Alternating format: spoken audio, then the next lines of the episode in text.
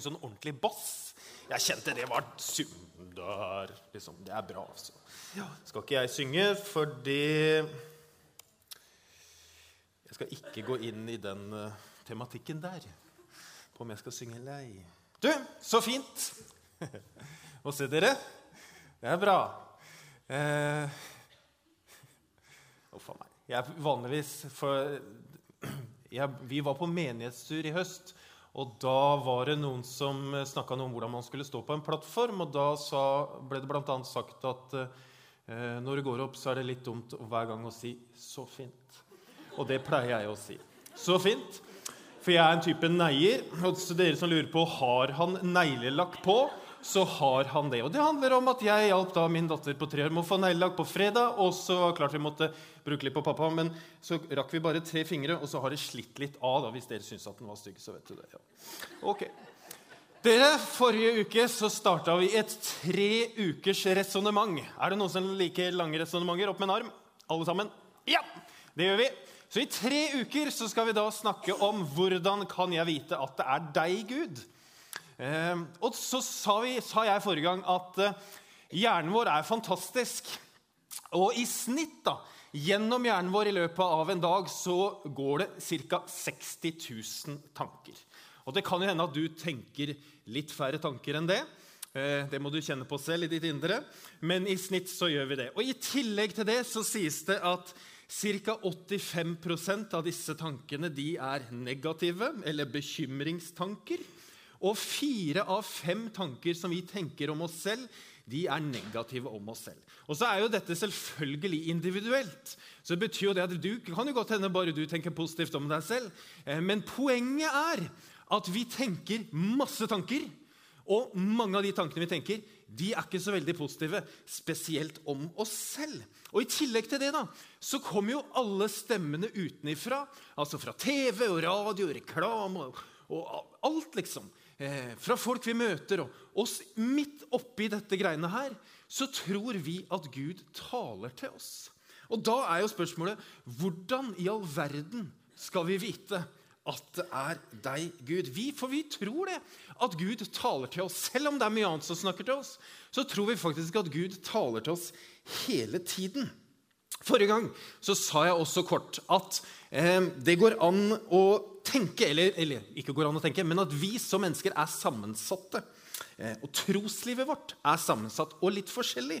Fordi noen av oss er veldig opptatt av sammenhenger mellom tro og tanke, at ting skal henge sammen.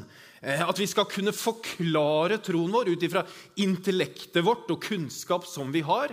Eh, og for de av oss som er der, så er vi liksom veldig opptatt av å studere Bibelen, studere Skriften, reflektere på en måte teologiske spørsmål, og så er vi veldig opptatt av at prekenene skal være gode.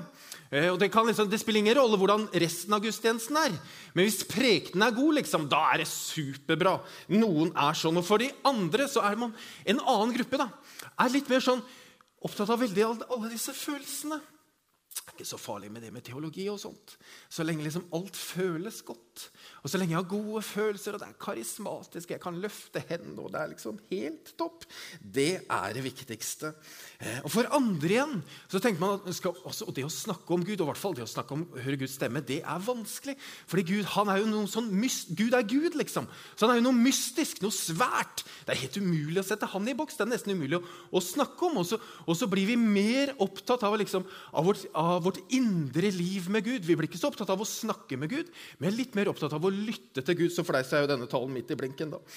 Og den siste gruppa, når man liksom setter dette opp systematisk, eh, så, eh, så, er det de som da eh, kobler det mystiske med at Gud er Gud og Gud er svær, og sånt, og kobler det med hodets kunnskap og teologi og teologisk refleksjon greier å henge dette sammen. Og de folkene der er ofte litt sånn visjonære, ser litt lenger, tenker at ja, vi ser dette, men Gud, liksom, han er svær. Og midt oppi dette eh, så er vi. Fordi eh, menigheten vår, og alle menigheter egentlig, består av alle disse typene. Og så kan du lure på hvorfor i all verden er det så mye konflikt i menigheter. Og det er jo for at Vi ser jo forskjellig på det aller meste. Tenker forskjellig på hva som er viktig. At talen skal være god, eller bryr seg ikke så mye om talen så lenge lovsangen er god, osv. For dette henger sammen. Men Uansett hva slags type du er, eller uansett hva, hva slags på en måte, boks du kjenner deg litt mer igjen i enn en annen,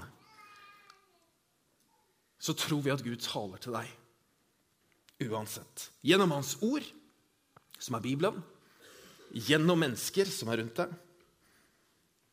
Og så skal vi snakke mer om noe annet i dag. Og Forrige søndag så utfordra jeg dere på disse spørsmålene her ut ifra en uh, samtale Ikke en samtale, men en tale jeg hadde da om Samuel, eh, som er en person i Bibelen. Og Da utfordra jeg på hvordan kan du bruke stillheten i ditt liv til å bli mer oppmerksom på hva Gud eh, sier til deg. Og hvordan kan du bruke stillheten til å ta vare på Guds ord og holde fast på det? Og hva skal til for at du i ditt liv, uansett hvor du er, kan si 'Tal, Herre', for din tjener lytter. Og så er det masse mer enn det. Og alle våre taler ligger ute på Skien misjonskirke og på podkast osv., så, videre, så du kan eh, ta igjen der eller catche opp. Og I dag så skal vi fortsette dette resonnementet, og så skal vi se på en person som heter Elia. Og han var profet. Eh, og Hvis du vil lese hele historien om Elia, så står den i første og andre kongebok i Gamle Testamentet. Eh, og Det må du gjerne lese, for det er en veldig veldig spennende historie. For da skjer det mye greier. Eh, og det er spennende å lese.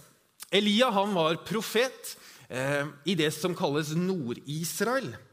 Under et kongedømme til to konger. To, han ene het Akab, og den andre het Akasha. Og så tror man at han var av presteslekt, altså at eh, faren hans var prest.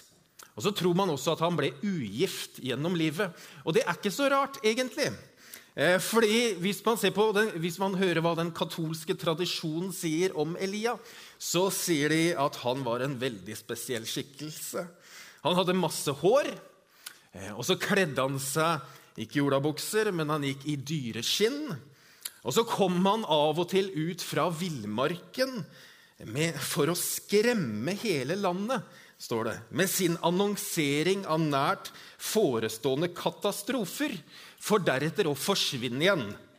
Så han var litt av en type. Det var ikke så rart kanskje at han var ugift. Så levde han også i en tid hvor eh, israelsfolket var gått bort fra eh, Israels gud og tilba disse Baal-gudene. Og Elia han forsvarte da Gud overfor kong Akab.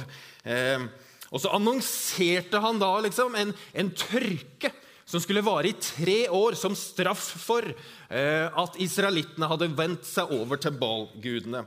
Men så var det jo ingen som hørte på Elia, eh, for han sa det og annonserte tørken. Og så reiste han ut igjen til et sted som heter Krittdalen, og der ble han i tre år, mens det var stor tørke i Israel, mye mer enn det vi hadde i sommer for å si det sånn. Og der var han da eh, og spiste og drakk. Han drakk av en bekk som gikk forbi, og så ga Gud han mat gjennom ravner.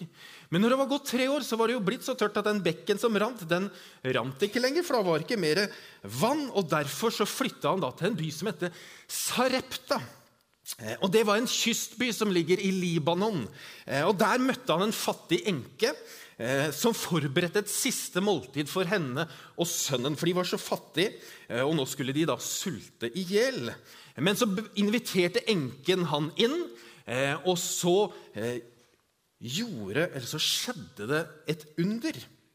Fordi hele tiden og konstant så fornya Gud denne krukken med olje og disse eh, kornene som var, sånn at hun hele tiden hadde mat. Det tok ikke slutt. Og til og med når sønnen hennes døde, så vekte Elia henne eh, han da, opp igjen fra døden. Og Hvis du har hørt om Sareptas krukke, om en krukke som aldri går tom, så er det den historien som du da finner i første kongebok. Men da, etter da, de, disse tre årene med tørke så går da Elia tilbake til han kong Akab. og Så møtes de, og så blir det en konfrontasjon. De krangler. Eh, og så da For å på en måte bli ferdig da, en gang for alle så utfordrer Elia kong Akab til en duell. Og Denne duellen handler om å brenne bål, å brenne et offer på et fjell. Og da kommer alle disse Baal-profetene, som er en sånn 400-600 stykk, pluss liksom hele folket, kommer opp, og så deler de en okse i to, og så skal de tenne bål. Og så er det eh, Baal-profetene før, men så skal de ikke bruke fyrstikker for å tenne. De skal tilkalle guden deres, og så er det han som skal fyre løs på dette bålet, så det blir ild. Og så blir det jo ikke noe bål ut av Baal-profetenes eh, det de driver på med. Eh, og så erter Elia de litt og sier kanskje han har sovna, eller kanskje han er på ferie, eller kanskje han, er, han, har gjemt seg, eller sånt, og da blir de jo veldig sinte, så de danser jo høyere, eller danser mer og roper høyere og risper seg med kniv og sånt, og så skjer jo ingenting. Det blir ikke fyr i dette bålet. Og så er det Elias sin tur. Og Han da eh, tar tolv steiner, som er liksom Israels tolv stammer, og så legger han oksen oppå. Og så tar han da, så sier han til gutta det må komme vann. Og så heller de da vann over dette bålet. Så Masse vann over hele bålet og oksen og i en grøf, svær grøft rundt. Og så det bare drypper av vann. Og så ber han da denne bønnen. Han ber Herre, Abrahams, Isaks og Israels Gud. La det i dag bli kjent at du er Gud i Israel Israel, at jeg er din tjener, og at det er på ditt ord jeg har gjort alt dette. Svar meg, Herre, svar meg, så dette folket skjønner at du, Herre, er Gud, og at du har vendt deres hjerte til deg igjen. Svar meg, Herre. Svar meg, så dette folket skjønner, eller dette folket forstår. Jeg vet ikke hvorfor du ber. Men jeg ber ofte for å få svar. Selvfølgelig gjør vi det. Men Elia han ber jo ikke bare om at han skal få svar, men han ber jo sånn at dette folket forstår at du, Gud, er Gud. Og det utfordrer meg. For jeg tenker, hvorfor skal jeg høre Guds stemme? Hvorfor skal jeg be? Hvorfor, hvorfor vil jeg så inderlig høre hva han sier til meg? Er det for min del? Eller er det for at disse andre folkene skal forstå? Da står det videre Da for Herrens ild ned og fortærte både brennoffer og veden, steinene og jorden, og slikket opp vannet som var i grøften. Da folket så det, kastet de seg ned med ansiktet mot jorden og sa, Herren, han er Gud, Herren, han er Gud. Og det var fantastisk. Og da blei det full fest. Det ble åpne dører inn til kongen. Han fikk kongens fordeneste medalje i gull, og alt var helt topp. Og israelsfolket hyllet Elia som den nye, store profeten i Israel. Og så var det happy ending. Var det sånn? Det var ikke sånn, vet du. For det som skjer etterpå, det er at hun som er dronningen, altså kona til Akab, Jesabel, hun blir jo rasende for det som har skjedd. For det som skjer nå er jo de som, altså Når du ser ild fare ned fra himmelen, og det tar fyr Hvis du liksom ikke har, har, trodd før, så gjør du det da. Så alle som var der, begynte jo å tro på Gud. Selvfølgelig. Men Dronning Jesabel hun blir rasende, og nå vil hun drepe Elias. Og han flykter jo da igjen ut i ørkenen. Og så går han, Når han har kommet langt ut i ørkenen, så går han en dagsreise til. Og så setter han seg under en gyvelbusk. står det, og En gyvelbusk er et sånt, litt sånn stort tre som vokser i ørkenen. Og Så setter han seg der, og så ber han om å få dø. For han sier, 'Nå er det nok, Herre', sa han. 'Ta mitt liv'. Altså, Det er en mann som da har sett masse før. Og så I tillegg så ser han da at det kommer ild fra himmelen og setter fyr på et bål. Og han ser at masse mennesker vender om til Israels gud. Og så Til slutt så havner han på en plass hvor han sier, 'Nå er det nok, Herre. Nå orker jeg ikke mer. Ta mitt liv.' Og så tenker jeg, Tenk at en mann som har opplevd så store ting med Gud, kan bli så deprimert at man ønsker å dø. Og I Bibelen så er det jo mange historier om folk som opplever sterke ting med Gud, men som blir kjempedeprimerte og ønsker å dø. Jeg vet ikke hvordan det er med deg, men jeg syns egentlig ikke at det er overraskende at de og at vi kan føle oss nedtrykt og deprimert av og til. og ensomme. Det tror jeg vi alle gjør. Jeg opplever i hvert fall det. Men spørsmålet er jo hva gjør vi da? Hva gjør vi med det når vi blir så ensomme og så lei, så irriterte og så frustrerte? Det var en som eh, Paulus, som har skrevet halve Det nye testamentet, han hadde en lærling, eller en han trente opp, som heter Timoteus. Eh, og Timoteus han gikk gjennom vanskelige tider. og Så har vi et brev som heter andre Timoteus brev. Og egentlig så er det et tredje Timoteus brev. Eh, eh, men vi har bare kopi av liksom to og tre, så derfor kaller vi det for én og to. Men i, dag, i brev nummer to så skriver Paulus til Timoteus fordi eh, Timoteus er i trøblete eh, tider. Han er litt på samme sted, og da skriver Paulus at du skal vite det, Timoteus at i de siste dager skal det komme vanskelige tider. Og vi opplever jo på ulikt vis vanskelige tider. Det kan jo være sykdom eller skilsmisse, død, folk som reiser, kanskje, dårlig økonomi, eller at vi mister jobben vår, eller noen av oss opplever at venner tar ukloke valg, eller at vi flytter til et annet sted. Hva gjør vi? når de vonde tankene kommer. Når du sier 'Nå er det nok, Herre', orker jeg ikke mer. Nå gidder jeg ikke mer. Kan jeg like godt reise? Paulus han skriver i et brev til en korintermenighet så skriver han veldig sånn i, oho, i glød så skriver han, Lovet være Gud, vår Herre Jesu Kristi Far, den Far som er rik på barmhjertighet, vår Gud som gir all trøst. Han trøster oss i all vår nød, så vi skal kunne trøste dem som er i nød, med den trøst vi selv får av Gud. Henger du med? For om vi har rikelig del i Kristi lidelser, får vi ved Kristus også rikelig trøst. Jeg googla dette med trøst og Gud, og, og så dukka det opp en artikkel eh, av en som har skrevet den i 2010. Og Hun heter Solveig Tufte Johansen og har vært pastor her før. Og Hun skrev en andakt i avisen Vårt Land, og da skriver Solveig dette. Visste du at dersom trøsten skal ha en legende effekt, så må den komme innenfra. Først fra den som gir trøst. Gud gir oss uforbeholden trøst, ikke ved å ta bort det som er vondt og vanskelig, men hans trøst hjelper oss til å tåle. Hans trøst hjelper oss til å finne nye sammenhenger. Mens vi lever her i tid og rom, er det mennesker som skal gi hverandre trøst med den trøst vi selv har fått. Det forutsetter at vi selv tar imot, billedlig talt fjerner lim og plaster og lar legedom komme innenfra. At vi lar bitterhet, likegyldighet og selvfordømmelse få trange kår. Fordi han som er rik på barmhjertighet, han som er rik på nåde, han gir oss all trøst. Hva er det Elia gjør? Han, nei, hva er det Gud gjør når han hører Elias rop om hjelp?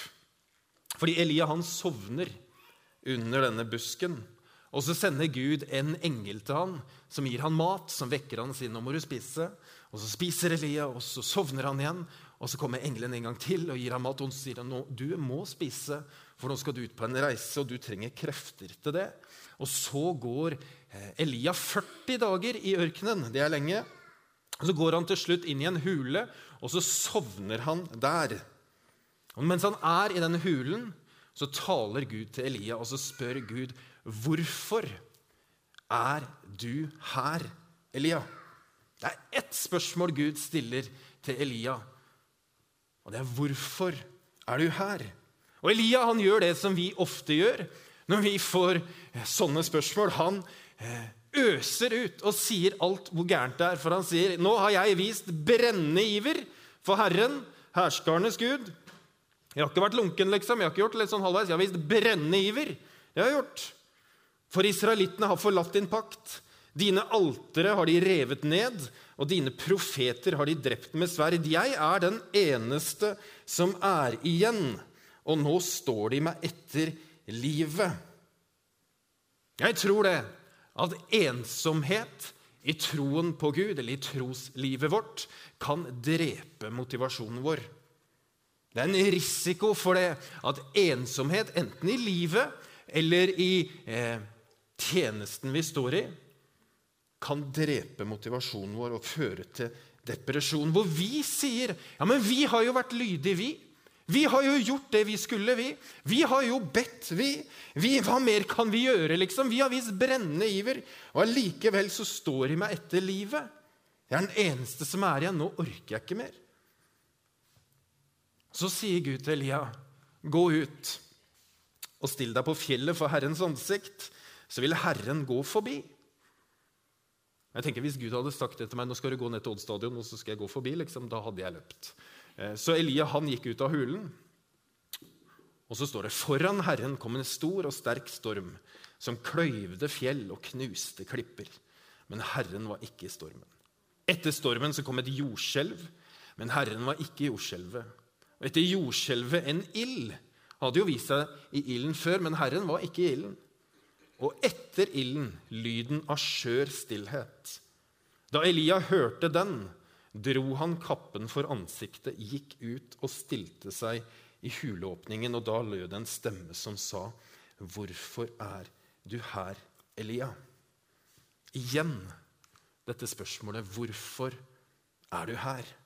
Og Elia han gjentar svaret. Det var det jeg sa i stad. Jeg er aleine. De vil drepe meg. Jeg orker ikke mer. Det er ikke noen annen grunn. Det er derfor jeg er her. Og så lytter Gud til Elia, og så gjør Gud noe veldig annerledes. For det Gud gjør, er at han gir Elia et nytt oppdrag. Han kaller Elia til to ting. Og Det ene er at han skal salve en ny konge over Israel. Og så skal han kalle en ny profet etter han selv, og han heter Elisha. Og Det skal være hans siste oppdrag. Så Gud lar ikke Elia bli værende i denne ensomheten og isolasjonen og depresjonen. Men han gir han et nytt oppdrag. Hans viktigste oppdrag gir Gud Elia han midt i dette triste så løfter han Elia da ut av sin private greie, liksom. Og så sier han, 'Jeg har så mye mer for deg, Elia, enn det du har sett.' 'Dette er ikke slutten på din tjeneste.' 'Jeg skaper noe nytt. Du skal gjøre noe helt nytt.' Jeg tror at noen av dere som er her, har stått i tjeneste i mange år. Kanskje du tror at du nærmer deg pensjonsalder i Guds rike. Men det er helt feil. Fordi du er kalt til fullføre løpet. Og kanskje din mulighet, kanskje din tid, kanskje ditt potensial for tjeneste i Guds rike aldri har ligget bedre til rette enn det det gjør i dag. Men du må jo være villig det er det første. Og så må du brenne for at mennesker skal bli kjent med Jesus. Og Hvis du brenner for det og er villig, så vil Gud bruke deg. Og han spør, 'Hvorfor er du her?' For det er ikke sånn at det beste ligger bak oss. At det vi har gjort før, det var helt topp, liksom, det kan vi hvile på, så er liksom alt bra. Men vi tror at det beste ligger foran også for deg som har stått i tjeneste i mange år. Og så tror jeg at det er noen av oss som har ligget i dvale under denne gyvelbusken i mange år. Og så tenker jeg at det er mange grunner til at du har ligget der. Kanskje du har vært sint. Kanskje du har vært deprimert, ensom irritert lei deg, oppgitt. Og så har du ligget i dvale under denne busken. Og så sier Gud, 'Hvorfor er du her?' Hvorfor ligger du her? Hvorfor sitter du under denne busken og gjemmer deg? Hvorfor kommer du ikke fram? Hvorfor velger du å bli værende i dette? Ja, jeg vet at det har vært trøblete. Jeg vet at folk har sagt ting som er utrolig dumt. Men du skal ikke høre på de. Du skal høre på meg når jeg sier, 'Hvorfor er du her?' Så kan det godt hende at du trenger å øse ut all denne møkka for Gud et par-tre ganger igjen og igjen. Men etter du har gjort det lenge nok, så kan du være stille, og så kan du høre om det kommer noe. Et spørsmål. Hvorfor er du her, egentlig? Og Så ser jeg litt for meg at Gud kan ta oss med på, opp på et sånt symbolsk fjell, hvor han viser oss at det er så mye mer. Hvor han kan vise oss hvorfor vi er her. Fordi du er ikke kalt til å sitte under denne busken. Du er kalt til å gjøre Jesus kjent. Til å bruke disse erfaringene dine og tapene dine og det du har opplevd, og snu på det. Så snur Gud på det, og så bruker han det for at andre kan bli kjent med han. Jeg tror også at det er noen av oss som roper til Gud etter svar, og så er det helt stille. Vi vil, vi vil, liksom, men vi får, vi får ikke til. Vi vil, men vi ser ikke resultater. Vi vil så gjerne, men det er helt stille. Og kanskje du skal gjøre en forpliktelse overfor deg selv. Og Det er å søke fellesskap. Fellesskapet i et storfellesskap. Fellesskapet i et mindre fellesskap, i en gruppe. Og ikke minst at du prioriterer i ditt liv å være stille overfor Gud. Tenk på de som gikk i ørkenen i 40 år. liksom. Hørte ingenting. Det var helt stille. De gikk i ring, liksom, israelsfolket, i ørkenen. De hørte ingenting. Og så tenker jeg at Av og til så har vi så mye, mye, det er så mye mer fristende å slutte. Fordi vi ikke orker mer. For det er bare stille. Men det kan hende at Gud ruster deg for noe større og noe mer som betinger at du er lydig og er stille og fortsetter å søke selv om det er stille. Da tror jeg òg Det er lov å gå nå midt i, altså. Det er noen, tror jeg, noen av oss, eh, som lever som om det ikke finnes noen Gud. Hva mener jeg med det? Jeg tror det er noen av oss som har sett Gud, på, som har hørt Gud, som har opplevd Gud, som har erfart Gud, og som tror at Gud er Gud, og at Jesus er verdens frelser. Vet, jeg har en kompis som heter Stian, som, eh, som eh, sier Det er jo så greit for deg å ha begravelser, Martin. For den gjengen den, de har jo gullbilletten til himmelen i hånda. For for deg er jo ikke det noe stress i det hele tatt. Men du vet, for meg jeg er faktisk litt usikker på om noen av de jeg begraver, om de har den gullbilletten. Jeg tror For noen av oss så har livet tatt oss, og så har vi vært brennende. Og så begynner denne flammen å bli mindre. Så sier vi mer eller oftere nei enn ja når vi blir spurt om ting til å bidra. Du husker ikke sist du leste ordentlig i Bibelen, liksom, for det er så lenge siden. Og så ber du jo vår far på gudstjenesten, sånn som vi gjør hver eneste søndag. og Det er kanskje ditt faste bønneliv. Men du ber jo også når det er krise, fordi du ber når, er, når noen er syke, du ber når det går dårlig, du ber når økonomien har gått liksom rett hjem. Du ber når det er strevsomt på jobben, eller det er en du krangler med. eller Da ber du. Men du, jeg tror Men ber du, og er du sammen med Jesus bare for å være sammen med Jesus? Han er jo mer enn sånn vi tar kontakt med når vi har behov. ikke sant? Vi bruker jo ikke tid med Jesus bare for å bruke tid med Jesus. Han krever jo ikke av oss heller. Så hvorfor skal vi da derfor gjøre det, egentlig? Hør her. Det å tro på Jesus og det å følge etter ham, det handler om noe mye mer enn å ha gullbilletten i hånda til himmelen. Det handler om et liv hvor vi er gitt noe som vi skal gi videre. Og Et liv som jeg tror vil sprenge dine rammer for hva du tror er mulig å få til eller være med på bare i deg selv. Det å se mennesker bli reist opp. Det å se mennesker ta nye steg med Jesus. Og se det at dine erfaringer faktisk kan hjelpe noen i deres liv og i deres gudsrelasjon. Da må vi brenne. Da må vi være varme. For hvis du er lunken, så tenker du bare på deg selv. Eller de som er nærmest deg, selvfølgelig. Elia, han salver da denne nye profeten som heter Elisha. Og så drar Eli, Elia og Elisha de drar på tur. Eh, og så blir eh, Elia tatt opp til himmelen med ildvogner og ildhester. Det er jo fantastisk. Du må lese første og andre kongebok. vet du, når, når han blir liksom, De kommer ned, ildhester og ildvogner, og så bare fyker han opp.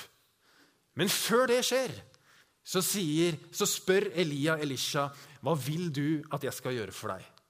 Og så sier Elisha, 'La meg få din ånd i dobbelt mål.' Det betyr at jeg har sett alt hva du har gjort. Og du har gjort svære ting, Elia.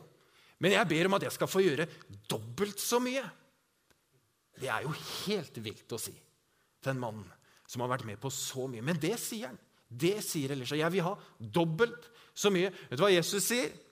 Han sier at den som tror på meg, skal også gjøre de gjerninger jeg gjør, ja, enda større gjerninger, for jeg går til far. Og mens de går der, så reiser Eli, ja, Elia opp til himmelen. Han blir profet i 65 år, Elisha.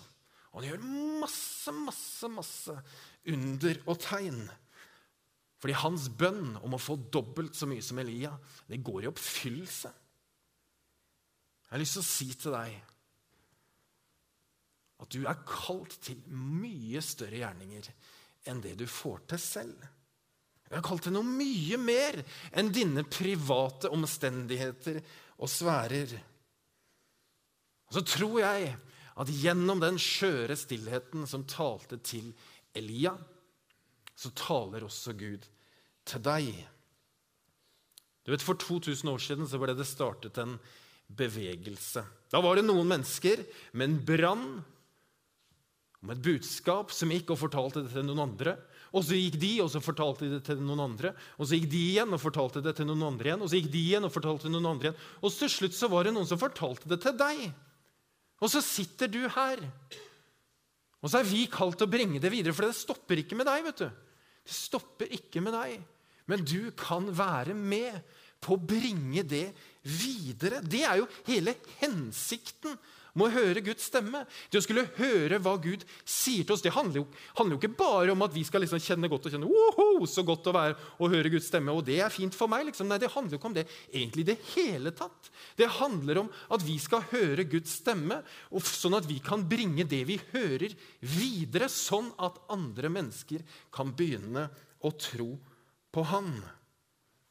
Og den hensikten, den bevegelsen, den starta for 2000 år siden. Og for litt over 160 år siden så ble denne menigheten starta med den samme brannen og med den samme iveren. Og så kan noen tenke ja, den brannen brenner ikke så hardt lenger. Det er ikke så mye kraft i det lenger. Det er ikke så mye som det den gang var. og Vi ser ikke sånn og sånn og sånn. Men vet du hva vi tror? Vi tror at den brannen er like sterk her i dag. Vi trenger bare å se den, og så trenger vi å tro på den, og så trenger vi å handle på den og gå på den. Fordi Gud Gud taler like mye sterkt i dag dere, som det han gjorde for 2000 år siden. Det står her at vi skal gjøre enda større gjerninger enn Jesus. Og hva det betyr, det er et stort mysterium. Men poenget er at du er her ved en hensikt. Denne menigheten har en hensikt, og det er en bevegelse som vi ønsker å være med på, og som du kan være med på. Men for at du skal være med på den, så må du søke hans ansikt, sånn at han kan tale til deg og ditt liv. Er du med på det? Yes! Det er bra. Neste søndag, om en uke bare, så skal vi avslutte denne serien. Da skal vi snakke om en litt artig type som heter Ananias. Og den historien om han den er helt todelt. Det er to vidt forskjellige historier i samme. Det blir krevende, rett og slett for unge Dalland. Men nå så vil jeg at vi skal reise oss opp. Og da skal lovsangsteamet komme opp, gutter. Og da skal dere begynne å spille og klimpre. Eh, og så skal vi be en bønn. Skal vi reise oss opp? Skal vi be en bønn. Og nå skal vi synge et par sanger sammen. Og mens vi gjør det, så har jeg lyst til å utfordre deg til én ting. Det, og Før jeg skal utfordre deg til den tingen, så skal jeg bare si det at hvis du har behov for å tenne lys for noen du er glad i, så gjør du det i lysgloben. og Du kan skrive bønnelapper foran miksebordet, og du kan gå til forbønn nede i høyre hjørne for deg som trenger det. Men jeg tror det at noen av oss trenger å bruke tid sammen med Gud, hvor vi lar Hans ånd tale inn i oss, sånn at vi kan bli tent i brann. Og det er det bare Gud som gjør. Du kan ikke gjøre noe for at det skal skje, men det du kan gjøre, det er å si at 'jeg er villig'. Jeg vil, Herre. Jeg legger ned mine ting fordi jeg vil at du skal sette fyr i hjertet mitt. Skal vi be? Far i himmelen, takk for at du er her med din ånd. Og takk, Herre, for alt vi kan lære av det som står i Gamle testamentet og de gamle historiene. Og så er du like reell i dag. Din ånd er like sterkt til stede her som det den var når du reiste opp til himmelen og sendte den på pinsedag. Og så trenger vi å se det, og så trenger vi å oppleve det, og så trenger vi å være villige. Hjelp oss, Herre, til å være villige. Hjelp oss til å se det store bildet. Hjelp oss til å se hvorfor vi er her. I Jesu navn. Amen.